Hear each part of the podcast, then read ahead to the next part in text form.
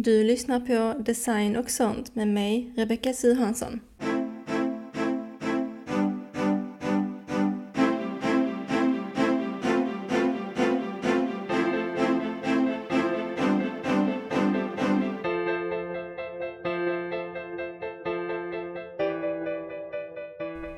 Hej!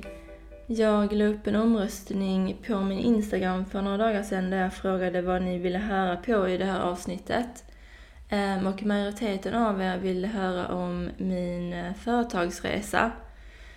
Ehm, och den har ju definitivt inte varit spikrak. Utan eh, jag startade faktiskt eh, eget för att jag Ja, men det var av många anledningar, men en av dem var ju för att jag... Ehm, ja, men jag var i en period i mitt liv där jag eh, alltså, tog massa ströjobb, ehm, väldigt underbetalda ströjobb, för att eh, ja, man kunna betala räkningar och så. Ehm, och i och med att inte jag har någon utbildning, alltså högskoleutbildning, Gud, jag tror att jag håller på att bli lite förkyld. Så att eh, du får ha överseende med eh, min hesa röst i det här avsnittet eh, och ifall jag låter lite konstig. Ehm, men det jag skulle säga var att i och med Eh, att inte jag har någon högskoleutbildning eh, så ja, men då är det ju väldigt svårt att få ett ordentligt jobb ehm, eller ett traditionellt jobb som inte är att jobba på Coop eller att liksom, ja, jobba på lager eller så. Så att det var sådana jobb jag fick ta. Ehm, och som du nog kan föreställa dig så är det ju inte den bästa arbetsmiljön eh, eller då lönen. Så att det är väldigt mycket alltså, överlevnadsjobb. Men ja, jag var i en sån period och eh, många av de kontrakten man får på sådana jobb är ju inte heller eh, oftast särskilt långvariga. Utan många gånger så är det ju timanställningsjobb eller så tidsbegränsat eller eh, ja, den typen av kontrakt. Och eh, ja, alltså det är ju inte heller ett jätte, vad ska man säga, stimulerande jobb. Eh, utan man går dit, man gör det man ska, man går hem eh, och man känner sig död inombords. Så ja, det var där jag var och eh, jag funderade på så hur jag skulle kunna ta mig ur det utan att behöva gå liksom en lång utbildning för att jag är en sån person som inte... Men jag har aldrig varit så glad för studier och skolan och så. Utan, ja, då var jag också liksom ganska nyligen, alltså, um, hade jag tagit studenten från gymnasiet. Så jag var inte jättepepp på att hoppa på en alltså, ytterligare och kanske ännu längre utbildning. Uh, utan uh, jag, uh, ja, men jag letade efter andra alternativ och några år där mellan studenten och var jag är nu då. Eller var, var jag var då när jag startade. Så eh, tog jag, eller jag frilansade väl lite grann så att jag ville pröva på liksom att, eh, ja men att kunna ta betalt för kreativa tjänster då. Eh, och i den perioden så var det ju fotografi som jag då, eh, ja men det var den typen av eh, uppdrag jag tog. Eh, och ehm, då fakturerade jag ju via eh, sådana tjänster som, men du känner kanske till frilansfinans eh, och eh, finns det fler? Gigger hade jag. Eh, för att de har lite olika avgifter och så.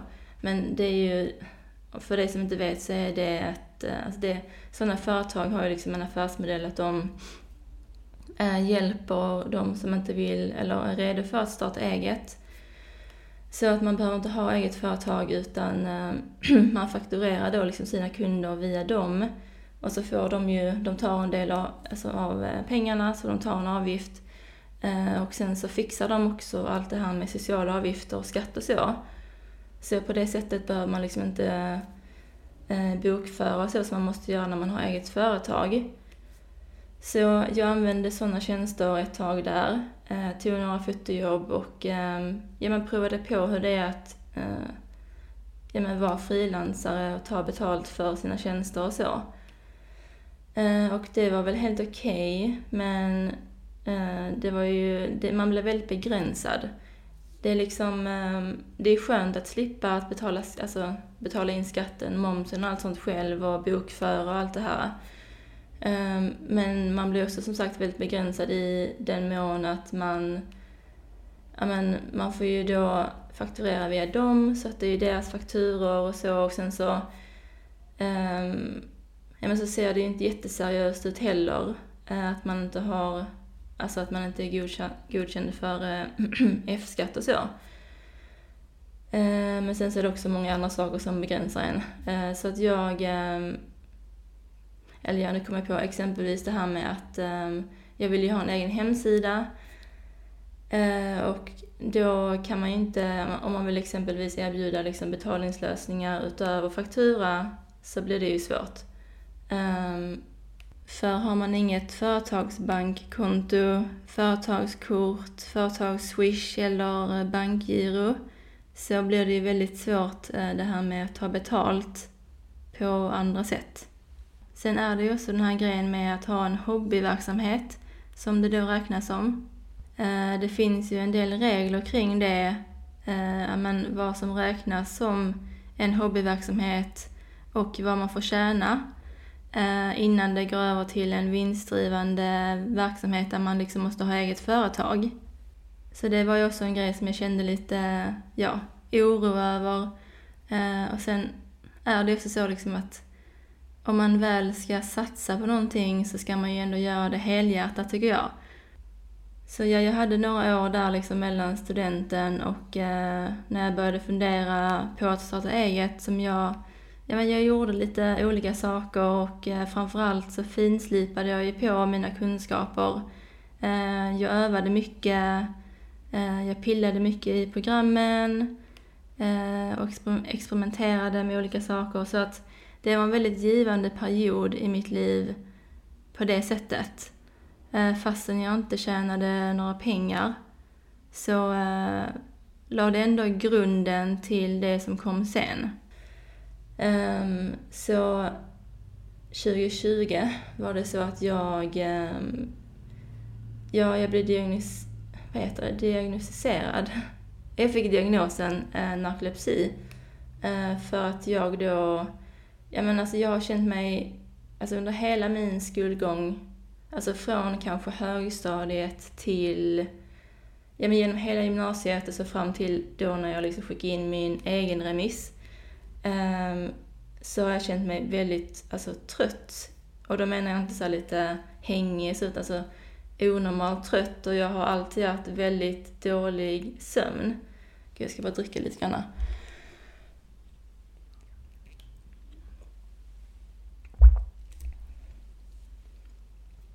Och jag har alltid haft väldigt dålig sömn. Um, och uh, det, när man är i den åldern, när man är liksom, ja, tonår eller ungdom, så eh, är det ju inte jättemånga som tänker åh, det är narkolepsi direkt, utan då är det ju många saker man tänker på först. Så liksom, det tog mig lång tid att komma fram till den punkten att jag, ja, men det är nog någonting fel. Det är nog inte bara så att jag är liksom trött eh, för att jag håller på, ja, men för att man växer och man är liksom inte färdigutvecklad och det finns många andra faktorer ju, typ som att man, ja men, många frågade mig ifall jag åt tillräckligt, liksom om jag hade brister på någon form av näringsämne eller så eller någon vitamin eller så. Så jag provade en massa saker innan jag kom fram till den här slutsatsen då. Ehm, men 2020 då, för att hålla det kort, fick jag diagnosen äntligen efter massa utredningar och massa eh, tester och så. Ja, det var ju skönt, men det är väl så här bitterljuvt för att ja, man vet ju då vad, det, alltså vad felet var och jag fick ju medicin och så ju. Men det är ju ändå den här grejen med att narkolepsi, för dig som inte vet, är ju en neurologisk obotlig sjukdom um, som påverkar ju då, ja men, det har en stor påverkan på ens vardagliga liv för att man är väldigt dagstrött och man har liksom generellt väldigt dålig nattsömn, vilket påverkar ju också såklart ens dagsform eh, och så vidare. Massa andra grejer också, sömnattacker och sånt. Eh, vilket gör det ju jättesvårt att jobba eh, alltså på en vanlig arbetsplats. Eh, och det kände jag av också när jag tog alla de här ströjobben att ja men eh, jag behövde liksom tupplur mitt på dagen och det kan man inte begära när man är på liksom ett lager och jobbar. Eller på någon arbetsplats för den delen. Jag tror inte det är många som skulle säga ja, klart att få ta en tupplur. Eh, nej men så att jag ehm, eh, kände också att det var därför det inte funkade med det här, de här ströjobben för att eh, det dränerade min energi så otroligt. Och eh, ja, eh, det bara åt upp mig helt och hållet. Eh, så att jag ehm, fick ordning på det med narkolepsin och sen därefter så fick jag såklart ställa mig frågan hur jag skulle gå vidare för att jag eh, ville inte gå tillbaka till att ta något sånt här lagerjobb eller kaféjobb eller så igen. Utan jag ville ju liksom, eh, ja men dels göra någonting som var lite mer så självförverkligande eller så, som ehm, inte fick mig att känna mig som att jag bara slösade bort all min tid på en arbetsplats som jag liksom hatade att gå till. Så alternativen för mig var ju nu då att antingen eh, hoppar jag på en utbildning eh, men det var ju svårt för att jag visste inte heller vad jag ville jobba som. Om jag nu skulle ta en utbildning och ja, satsa på en karriär. Eh, och man vill ju gärna om man nu ska gå en lång utbildning och eh, ja men såklart då också belåna sig med CSN-lån så vill man ju också att det ska bli någonting långvarigt efteråt. Eh, så ja, jag visste inte vad jag ville där egentligen så att det kändes inte riktigt som ett alternativ på det sättet. Men det var ju ett. Och sen så det andra var ju då alltså det här med egenföretagande och att göra någonting själv. Men det kändes ju jätteläskigt. Um, vilket nog du också kan relatera till om du som lyssnar själv driver eget. Men eh, jag eh, kände ju också att jag inte riktigt hade något val, som sagt, för att jag visste inte vad jag ville göra. Eh, men jag visste ju vad jag var bra på. Då det här med fotografi och ehm, ja, men grafisk design, för att jag gick, jag gick estetik media i gymnasiet. Och där får man liksom göra lite allt möjligt. Ehm. Så att jag visste ju vad jag skulle satsa på om jag skulle starta eget. Så för mig kändes det väl som det mest eh, givna alternativet. Um, och eh, jag började kolla upp så hur, liksom, hur det går till och vad man måste göra och då kändes det ju direkt totalt överväldigande liksom. Um, och sen så, um, ja men som jag sa så var ju det här inte en spikrak väg framåt utan det Ehm, jag ska försöka hålla mig lite kort här nu, men jag tog några rådgivningssamtal ehm, med Nyföretagarcentrum. Ehm, och det rekommenderar jag verkligen alla att göra om man då funderar på att starta eget eller om man vill liksom bolla idéer. För att de är verkligen eh, jättebra och det är ju, det är ju gratis. Det är kostnadsfri rådgivning eh, över telefon då Eh, eller eh, videomöte. Så att jag eh, tog några sådana rådgivningssamtal. och jag som jag är har väldigt många idéer och tankar i huvudet samtidigt och just då liksom var jag inne på men, många olika spår och jag testade de här affärsidéerna eh, mot rådgivarna Ehm, och en av de affärsidéerna var att uh, jag ville bli modedesigner, alltså designa kläder och så. Uh, för det är någonting jag har, ja, men jag har varit intresserad av och som jag har velat göra ända sedan jag var liksom jätteliten. Um, så uh, det var ju någonting som jag faktiskt lade ner ganska mycket tid på. Alltså jag skrev ihop en hel affärsplan och jag liksom hade möte med eh, en person som ägde en fabrik här i Malmö tror jag. Eh, och ja men det var en hel grej. Ehm, men sen insåg jag ju verkligen snabbt eh, att det här kommer inte funka för att alltså man kan ju inte riktigt, ehm, eller man kan ju, men det är inte rekommenderat att ge sig in i egenföretagande och i en bransch där man inte har någon kunskap eller alltså man har ingen erfarenhet av det. Um, så att det kändes ju snabbt som en dålig idé. Jag behövde ta en paus för att dricka så. Um, alltså jag tror inte du förstår hur mycket vatten man måste dricka medan man spelar in så här. Uh, för munnen bara torkar igen hur snabbt som helst och så låter det skit. Uh, så uh, ja, jag kommer bara ta några drickpauser då och då. Men eh, det kändes ju då som sagt inte som en bra idé det här med att eh, ge sig in i modebranschen och att designa kläder och så. Um, och eh, då fick jag tänka om. Uh, och jag, alltså jag, jag, vet ju, jag visste ju som sagt att jag är bra på det här med grafisk design och fotografi. Men jag kände just då inte riktigt för att ja, men, jobba med det.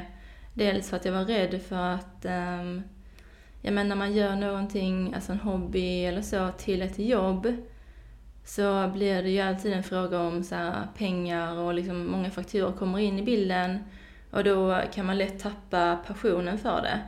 Och jag eh, ville inte riktigt att det skulle bli så.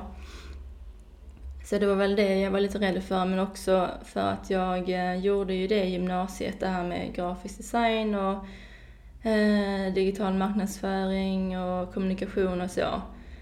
Så att jag var inte jättetaggad på att jobba med det, helt ärligt. Men eh, det blev ju så ändå för att jag insåg ju att, ja men alla, alltså jag tror att oavsett vem du frågar, alltså vilken typ av så här, företagsrådgivare eller liksom bara företagare du frågar, ehm, ja men angående vad man ska satsa på så tror jag ändå att de flesta kommer att säga till dig att men gör det du kan och det du är bra på och det du känner till och så vidare. Så att jag kom väl fram till den grejen att um, det är ju det jag i så fall får göra.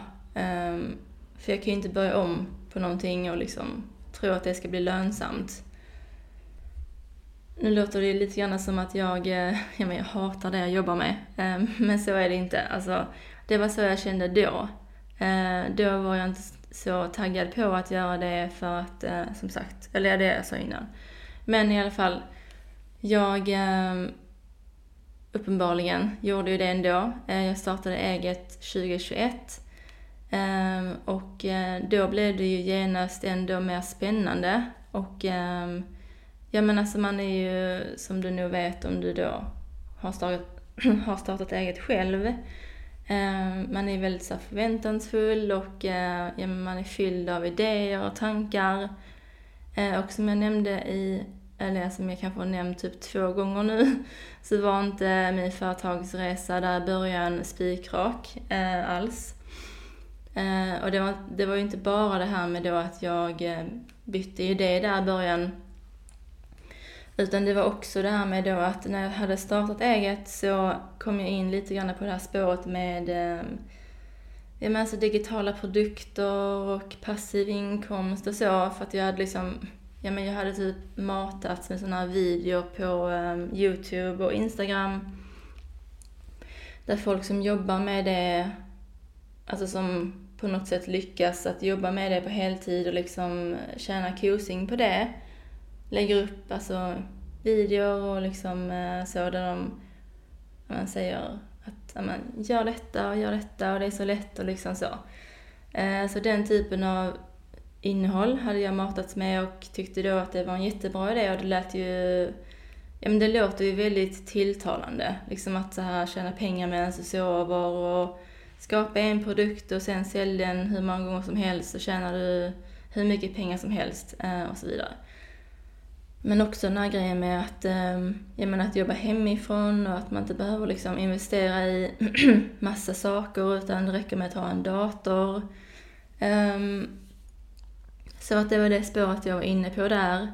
Ehm, så när jag hade startat eget då, alltså registrerat min firma, eh, då så var min första ju tanke att ja men var ska jag sälja mina digitala produkter? Och då hade jag hittat en youtuber som jag, eh, eller många youtubers, som jag hade kollat på ett tag och de satsade ju på att sälja sina digitala produkter på Etsy. Eh, och Etsy är ju då för dig som inte vet en marknadsplats. Ehm, alltså det är ju typ som Amazon fast ehm, Etsy specialiserar sig mer på handgjorda saker och lite så här, ja men eh, annorlunda saker och um, unika saker liksom. Och det är många så här kreatörer, alltså inte bara digitala kreatörer men främst, uh, främst egentligen så att det är folk som kanske skapar med händerna och typ gör saker, typ konstverk och stickar och sånt som säljer grejer där. Men det finns också en stor marknad på Etsy för digitala produkter. Um, och just då när jag startade så var jag, alltså det var ju mitt i den här liksom, ja men det här genombrottet eh, för digitala produkter liksom att när alla, jag var ju lite sen på det visserligen, men eh, det var i den vevan när liksom det hade exploder exploderat. Eh, gud, ursäkta. Eh, nej men det hade exploderat eh, och alla ville liksom hoppa, hoppa på det här tåget och eh, ja men alltså den här idén om att jobba med att sälja digitala produkter eh, lät ju så tilltalande eh, och eh, alltså det är ju inte riktigt så som alla eh, får det att framstå eh, som. Alltså för att det låter ju väldigt lätt som sagt och eh, men alltså faktum är ju då eller jag kan ta det från början. Jag startade en Etsy-shop eh, och där liksom var tanken då att jag skulle sälja olika typer av digitala produkter. Ehm, och ehm, alltså grejen med Etsy är ju att det är en internationell marknadsplats, så att du är med. Det är liksom en stor, enorm marknadsplats. Eh, så givetvis är ju konkurrensen också jättehög. Så man kan liksom inte bara öppna en Etsy-shop och tro att liksom, ja men jag säljer lite allt möjligt. Um, alltså, man kan liksom inte, alltså då går det inte lika bra för en. Så att tipsen jag fick från alla de här YouTubers, um, Etsy-människorna, var ju att man ska nischa sig på en viss typ av målgrupp och eh, en viss typ av digital produkt såklart. Um, och det gjorde jag då, så att jag nischade mig, ja men lite granna på då Eh, digitala produkter för eh, småföretagare. Så liksom det var alltså mest mallar, ehm, men även typ så här liksom visitkortsmallar och sådana saker man kan skriva ut själv hemma eh, och så, planerare och sånt. Ehm, för att jag, ja men jag såg att det fanns en enorm efterfrågan av det och det var ju väldigt ja men som jag sa, det hade precis exploderat med digitala produkter så att det var väldigt nytt och häftigt och så. Eh, som sagt var jag lite sen på detta ju, så att det hade ju hållit på ett par år. Men eh, det fanns, ja men det kändes i alla fall då eh, som att det fanns en stor efterfrågan av det. Så jag la ner, eh, jag kan inte prata. Jag la ner jättemycket tid på detta då med Etsy. Alltså, nu i efterhand kan jag känna liksom att fy vad onödigt. Men eh, ja, alltså det här med att starta eget är ju liksom, eller att generellt att driva eget är ju en berg och dalbana. Liksom att en del av det är ju också det här med att, ehm, ja men, byta riktning och typ att testa olika saker och se vad som funkar. Funkar inte det då, ja, i värsta fall är det ju bara bortslösad tid eh, och energi men så byter man riktning och så satsar man på något annat och så testar man det. Så att det var lite grann där jag var. Och alltså nu har jag ju drivit eget i ja, men snart två år. Så att eh, det är inte jättelänge sedan detta hände, eller jag var där. Eh, men det känns ju så för mig. Eh, men i alla fall, jag eh, ja, men jag hade drivit om en Etsy-shop ett tag. Det gick väldigt, alltså, ja men jag fick ju försäljningar och så liksom, men jag började ju snabbt inse att den här eh, bilden som många målar upp eh, av att det ska vara så himla... Jag menar att alltså, de tjänar heltidslön på detta. Eh, ja, men jag insåg ju snabbt att det... Ja, alltså det är nog inte så lätt som de får det att verka. Um, och eh, jag, som sagt, alltså jag la ner mycket tid uh, på detta, hela grejen med Etsy. Um, och uh, jag lärde ju mig ganska mycket under den perioden liksom, om hur man skapar digitala produkter och allt det här liksom med ja, men marknadsföring också. Och, um, ja, så det, var mycket, det var många lärdomar jag fick av det. Men det var också väldigt mycket energi jag la, äh, la ner i detta. och det är lite det jag menar också med att eh, det här med passiv inkomst är ju också väldigt... Ja, alltså det är ju passivt på det sättet att eh, när du har gjort en, eller alltså skapat en produkt, så kan du sälja den alltså hur många gånger som helst i och med att det är ju digitalt och eh, kunden liksom laddar ner alltså, din produkt via en länk och så. Men det är ju inte passivt riktigt på det sättet att um, Alltså att upprätthålla och driva en Etsy-shop eh, kräver ju eh, mycket, mycket tid. Eh, och eh, på detta så, ja, men så måste man ju också marknadsföra sina saker. Eh, man får ju såklart lite trafik från Etsy i och med att det är liksom en marknadsplats där folk ja, men är köpredo och går in liksom för att leta efter något specifikt. något specifikt. Ehm, men eh, man, må, eh, man måste ju också marknadsföra det själv eh, utanför Etsy. Så att man liksom drar in sin egna trafik dit också, till sin shop.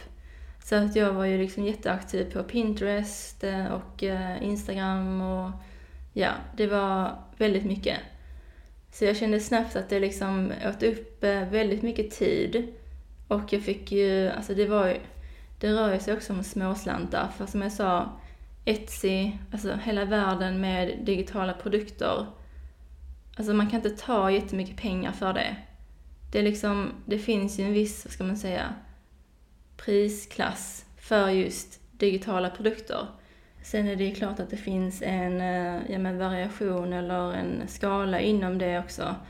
Eh, det finns ju ja, men folk som tar allt från 50 spänn för 100 mallar liksom till eh, de som inriktar sig mer på, eller specialiserar sig på att göra mer premium ja, men mallar eller digitala produkter. Och de kan ju såklart ta lite mer. Men eh, det är ju verkligen inte så att det rör sig om stora pengar. Eh, absolut inte. Så att eh, jag insåg ju då att det här funkar inte. Så det var ganska, ja men det var faktiskt ganska nyligen, för några veckor sedan eller någon månad sedan, som jag ja, men officiellt la ner min Etsy-shop. Ehm, för att innan, innan dess hade jag liksom haft den på rullning. Eh, för jag såg det som liksom att ja, men den kan ju vara uppe och så får, så får det ramla in någon försäljning då och då. Liksom. Um, så jag har haft det lite grann parallellt med det jag gör nu. Um, men, uh, ja, men jag kände att det var alldeles för mycket liksom det här med, som, eh, som jag sa, att upp, alltså, uh, vad ska man säga? Uh, alltså, att upprätthålla och sköta om en uh, sån shop.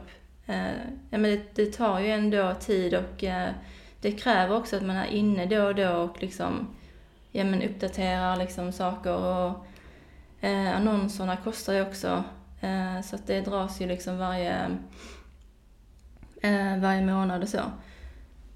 Så att, ja men det är ju ändå en viss kostnad också um, för den typen av grej. Eh, en kostnad som jag vissa månader, alltså, jag vet där mina försäljningar täckte den kostnaden. kostnaden. Eh, men sen också var det ju vissa månader där jag inte fick någon försäljning och då ja, men, gick jag i minus eh, och fick betala in. Så att det kändes ju helt enkelt inte värt längre eh, för min del. Eh, inte bara det här med ja, men, den ekonomiska aspekten Eh, men även, det- alltså, utan även det här med eh, att jag, ja men jag vill inte göra det längre och eh, det kändes också väldigt jobbigt alltihopa liksom det här med att man, ja men man måste ju ändå underhålla det på något sätt och jag ville ju satsa på mitt företag som jag har nu, eller som jag satsar på nu, det här liksom med varumärkesdesign, podden och min fotoverksamhet och så. Eh, och det i sig alltså tar ju bara, det tar jättelång tid. Eller det tar upp mycket tid. Ehm, så att med Etsy på det, det funkar inte. Eh, så att ja, jag la ner eh, shoppen för ett tag sedan då. Och det var faktiskt jätteskönt att avsluta det kapitlet. För som jag sa så känner jag ju ändå liksom att ja, det känns jobbigt att jag la så mycket tid och energi och pengar på det eh, och att det inte gav någonting. Men samtidigt så, alla lärdomar är ju värdefulla. Så jag ångrar ju inte det. Så. Och efter allt det här med Etsy då så eh, gick jag ju över till att satsa på det jag gör nu. Eller rättare sagt det som har blivit det jag gör nu. För att det var inte heller en helt spikrak väg. Eh, utan i början där då så, ja men så kallade jag ju mig grafisk designer. Eh, och jag erbjöd det som de flesta grafiska designers gör. Eh, logotyper och grafiskt material till andra företagare då. Och ja, alltså som jag sa så var det ju inte heller en spikrak väg utan det var mycket grejer där som jag eh, fick gå igenom innan jag kom fram till, eh, eh, ja men kom fram till den punkten där jag är nu. Ehm, och det här har jag ju pratat lite grann om i mina tidigare avsnitt.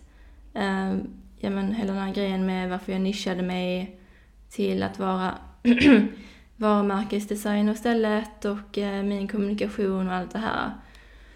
Men för att hålla det kort då så ehm, fick jag en del kunder där.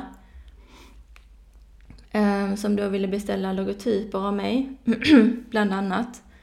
Eh, och eh, ja, det blev ju inte riktigt som jag hade tänkt där heller för att Alltså när man erbjuder, gud ursäkta.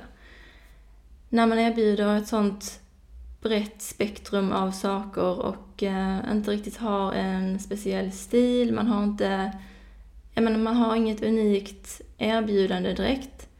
Så, eh, ja men och då att jag hade, jag kanske borde säga det här också, att jag hade rätt låga priser.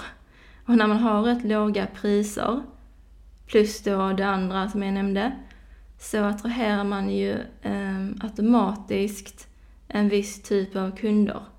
Eh, och de kunderna, ja alltså, det är ju när man är i den eh, situationen eller positionen när man är nystartad och eh, eh, så, så är man ju ganska desperat, eller vad man ska säga. Man blir i alla fall glad när någon vill anlita en eller köpa ens tjänst eller så. Så där var jag ju och jag tog ju alla möjliga typer av jobb som sagt. Och jag fick ju betalt och det kändes ju bra. Men det var ju alltid stressigt och liksom frustrerande. Eh, Och det liksom resulterade i att jag liksom, jag såg inte fram emot längre att få kunder trots att jag fick betalt.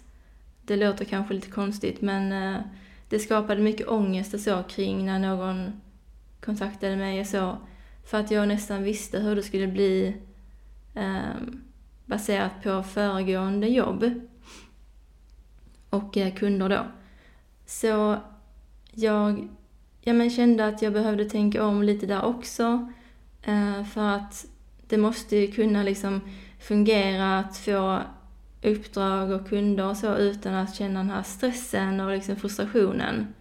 Eh, och ja, jag bör väl tillägga att frustrationen, alltså när jag säger det så menar jag då liksom att ja men det här med att man inte känner sig, alltså det känns inte som att eh, kunderna, kunderna värdesätter ens eh, talang och ens liksom kunskap och ja men man känner sig inte alltid respekterad av kunder som liksom vill ha det på sitt sätt. De vill kanske ibland pruta. Eh, ja, men de eh, ser en inte riktigt som en kreatör eller som eh, en designer då, som i mitt fall. Utan de ser en mer som att åh, oh, jag kan få någonting ut av det billigt. Eh, och jag vill ha det så här och så här. Eh, och det var inte riktigt det jag var ute efter när jag startade eget. Så att, eh, ja, där kom jag till en brytningspunkt. Eh, där jag då tänkte om kring mitt erbjudande och hur jag skulle kommunicera det och ja, allt det här. Eh, så eh, ja, efter det så började jag ju då kalla mig varumärkesdesigner istället. Jag började identifiera min målgrupp och nischa ner den. Eh, så nu är det ju kvinnliga företagare jag vänder mig mot. Eh, och eh, ja, sen är det ju en hel grej det här liksom med priserna och jag höjde ju dem successivt. Ehm, och jag jobbade på mitt portfolio. Det är ju också jätteviktigt att jag, jag menar att som kreatör eller designer då, att hålla uppe det här liksom med att öva och öva och liksom att eh, ja, men göra nya saker som man kan visa upp och eh, finslipa på sin, eh, sin talang och sina kunskaper. Så att det gjorde jag väldigt mycket eh, mellan allt det här då med kunderna. Och när jag kände att mitt portfolio och mitt, tid, eller mitt arbete då eh, var liksom, ja men höll en bra standard så eh, kände jag mig också mer självsäker att eh, höja priserna och ja, men generellt så kände jag mig mer, mig väl mer självsäker som kreatör. Och under tiden som allt det här hände då så var jag ju också med i Nyföretagarcentrums eh, mentorsprogram. Så jag hade ju också hjälp från min mentor Eva då med att, ja men allt detta jag nämnde precis med hur man ska tänka kring eh, kunder och liksom eh, kommunikation och positionering och så. Eh, så det var superhjälpsamt. Och sen då eh, så började ju bollen rulla, eller vad man ska säga. Att jag började känna mig mer självsäker generellt i att göra saker i mitt företag. Och allt det ledde ju fram till där jag är nu med podden och ja men alltså det här med att jag visar mig lite mer, lite mer personlig och så. Eh, för det har varit väldigt svårt för mig eftersom, ja men eh, bara för att jag är ganska privat och eh, jag vill inte säga introvert, men typ mer åt det hållet som person. Men ja, nu är jag ju där jag är. Och jag glömde ju säga också där i början att ja, alltså en annan stor anledning till varför jag startade eget var ju inte enbart att jag kände mig, jag menar att jag kände mig tvingad eller att jag inte, ja men det här med jobbmöjligheterna och så, utan det var ju också det här med att jag har ju alltid varit en person som... Eh, men jag tror inte att jag hade trivts att, eh, med att jobba för någon annan. Eh, även om jag hade haft ett bättre, men ett bättre jobb eller eh, gjort någonting jag ändå hade tyckt var, eh, hade varit intressant. Eller om jag då hade tagit en utbildning och så. Jag tror att jag generellt eh, passar bäst som eh, egenföretagare för att eh, jag menar, så alltså det här med att jobba för någon annan och vara anställd och så är ju inte för, för alla. Och samma sak är det ju med egenföretagande, att det är inte heller för alla. För att fastän man som egenföretagare kan styra över sin egen tid och därför är mer fri och flexibel på, ja men i den aspekten, så är ju egenföretagande väldigt ja, men otroligt krävande och utmanande på andra sätt. Så att jag tror definitivt att man måste vara en viss typ av person för att eh, trivas i det. Så för att avrunda det här avsnittet lite grann så kan jag ju säga att ja men nu när jag ser tillbaka på min ja men, företagsresa eller min, alltså, min start så är det ju många saker jag skulle gjort annorlunda. Ehm, jag skulle nog... Ja men alltså så här, det är inte så att jag ångrar hur det gick till för att det finns ju ingen mening i det. Eh, det har ju tagit mig dit jag är nu, men eh, det finns ju definitivt så saker jag skulle... Ja, men om jag skulle lära ut eller rådgiva någon annan som vill starta eget eller som funderar på att, ja, i de banorna, så skulle jag ju definitivt eh, gett rådet att strukturera upp det mer och eh, tänka igenom det mer innan man startar det. För att när man väl har startat eget så, ja men och är momsregistrerad och allt det här, ja men då ska du liksom bokföra, då ska du, ja då börjar det liksom, eh, vad ska man säga, då börjar man känna pressen. Och jag kan ju passa på att säga då att eh, jag skapade nyligen en freebie, alltså en, ja men en gratis eh, produkt ehm, som handlar om just detta med Eh, när man ska starta eget eller inför det. Eh, så om du är i, de, ja, men i den fasen och eh, inte har startat eget än eller kanske precis har gjort det kan du ladda ner min freebie då. Det är en checklista med de stegen man ofta behöver ta sig igenom när man startar eget. I den ordningen då som jag hade gjort dem idag om jag hade börjat om från början. Och denna freebien hittar du då i min digitala shop och länken dit hittar du via min Instagram eller min hemsida. Och om du själv är kvinnlig företagare och skulle vilja gästa den här podden och dela med dig av din företagsresa eh, så får du jättegärna skicka iväg ett mail till mig eh, så pratar vi. Men ja, nu börjar min katt att eh, smått trakassera mig här så att jag måste nog eh, underhålla honom lite grann. Så tack så mycket för att du har lyssnat på det här lite mer personliga avsnittet. Eh, så hörs vi förhoppningsvis i nästa.